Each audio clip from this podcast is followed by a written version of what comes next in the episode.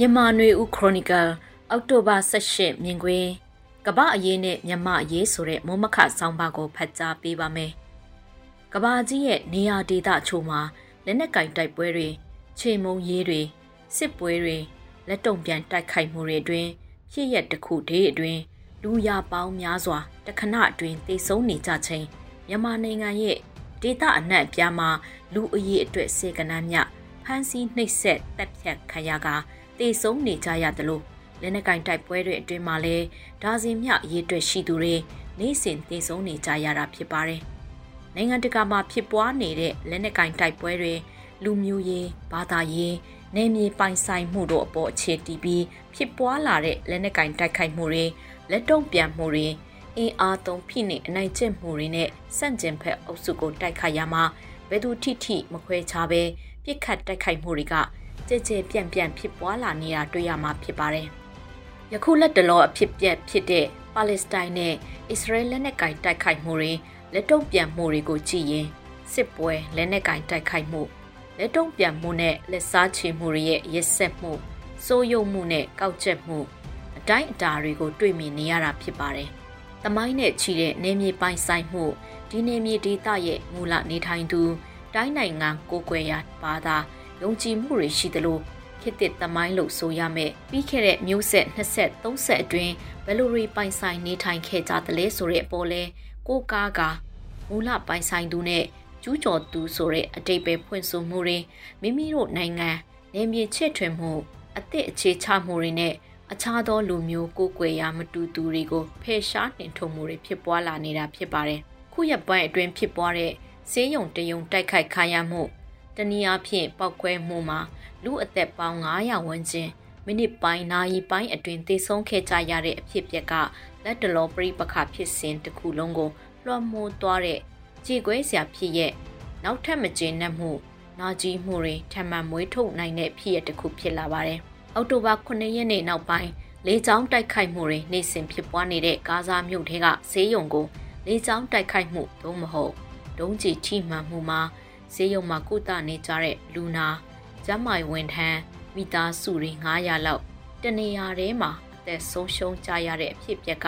စစ်ပွဲရဲ့ရက်ဆက်မှုစိုးရုံမှုအပြစ်မဲ့တဲ့သူတွေကိုလည်းအလွတ်မပေးတဲ့အချင်းအရာတွေကိုမျက်နှာဖုံးခွာချပြီးပြသလိုက်တယ်လို့ဖြစ်ခဲ့တာပါဒီတိုက်ခိုက်မှုသို့မဟုတ်ကြီးမားတဲ့ပောက်ကွဲမှုရဲ့လက်သေးကဘယ်သူလဲဆိုတာစတင်အငင်းပွားစရာအကြောင်းအရာတရက်ဖြစ်လာနေပါတယ်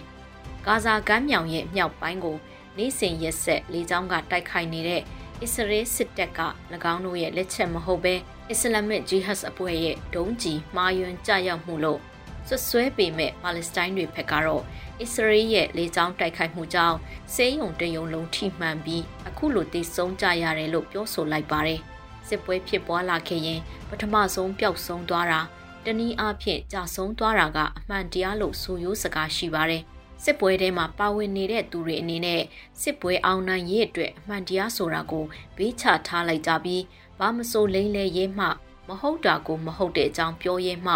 မဟုတ်တာကိုဟုတ်တယ်လို့ဆိုရဲမှ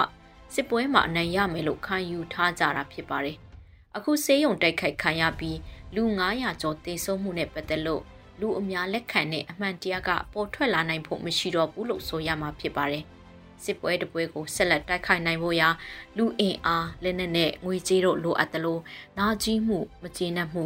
ယုံကြည်မှုခံစားချက်တွေလည်းလိုအပ်တာဖြစ်ပါတယ်။တမိုင်းတလျှောက်ဆဲဆုနှစ်နဲ့ချီတဲ့စစ်ပွဲတွေအုပ်ချုပ်သူအစစ်စစ်လက်ဆင့်ကမ်းခဲ့ကြတဲ့စစ်ပွဲတွေရှိခဲ့ကြရမှာယုံကြည်မှုနာကြီးမှုမကျေနပ်မှုစတဲ့ခံစားချက်တွေကိုအခြားသောရုပ်ဝတ္ထုနေမြေတွေနဲ့အတူလက်ဆင့်ခံခဲ့ကြတာလည်းဖြစ်ပါတယ်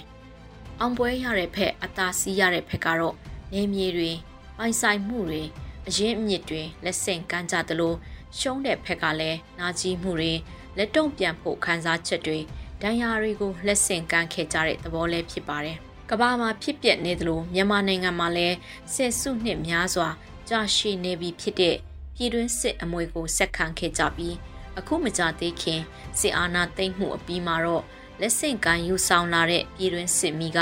ပိုပြီးအရှိန်အဟုန်နဲ့ပြန်လည်တောက်လောင်လာတာဖြစ်ပါတယ်။ခက်အစစ်စစ်ဖိနှိပ်ခဲ့တာအနိုင်ကျင့်ခဲ့တာအတ္တမဆေးခိုင်းခဲ့တာတယံဇာရခန်းစားခွင့်တွေခွခွဲဝေမှုမငြိမျှခဲ့တာတွေက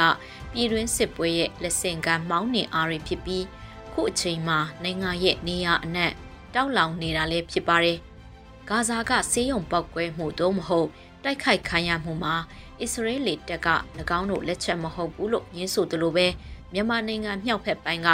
လိုင်ဇာမြို့အပြင်ကစစ်ပေးဒုက္ခသည်တွေနေထိုင်ရာမုံလိုက်ခက်ကျေးရွာမှာလဲမကြသေးခင်ရက်ပိုင်းကပောက်ကွဲမှုတော့မဟုတ်လေကြောင်းတိုက်ခိုက်မှုဖြစ်ပွားခဲ့ပါတယ်။အရက်သား30နီးပါးမိနစ်ပိုင်းနာရီပိုင်းအတွင်းသေဆုံးကြရသလိုအခြားဒါဇင်နဲ့ချီတဲ့အရက်သားတွေလည်းထိခိုက်ဒဏ်ရာရခဲ့ကြပါတယ်။လက်နက်ကိုင်အဖွဲ့တွေကို ဒုက္ခသည်စခန်းတွေကိုလက်နက်ကြီးနဲ့လေရင်နဲ့တိုက်ခိုက်လေရှိတဲ့စစ်ကောင်စီအနေနဲ့၎င်းတို့ရဲ့တိုက်ခိုက်မှုကိုအရိဒုက္ခသည်စခန်းမှာပောက်ကွဲစေနိုင်တဲ့ပစ္စည်းတွေတိုးလှောင်ထားရာကပောက်ကွဲမှုဖြစ်ပွားလို့အသက်ဆုံးရှုံးကြရတဲ့သဘောပြောဆိုခဲ့ပါတယ်။စစ်ပွဲတပွဲဖြစ်ပွားလာရင် အမှန်တရားကပျောက်ဆုံးသွားပြီးစစ်ပွဲမှာလူအသက်တွေတပ်ဖြတ်ဖို့တောင်းဝင်မလေးကြတော့ပဲအခုလိုဖြစ်ရတဲ့ရဲ့အချက်လက်အမှန်တရားဟာလည်း ပေါ်ထွက်လာဖို့မရှိတော့တဲ့သဘောလို့ဆိုရမှာဖြစ်ပါတယ်။စစ်ပွဲတပွဲမှာစစ်ပွဲကိုဆက်လက်ရှေ့ကြအောင် မကျေနပ်မှုတွေနာကျင်မှုတွေနဲ့လက်နဲ့ငွေကြေးအင်အားတွေဖြစ်စည်းပေးရတာဖြစ်ပြီး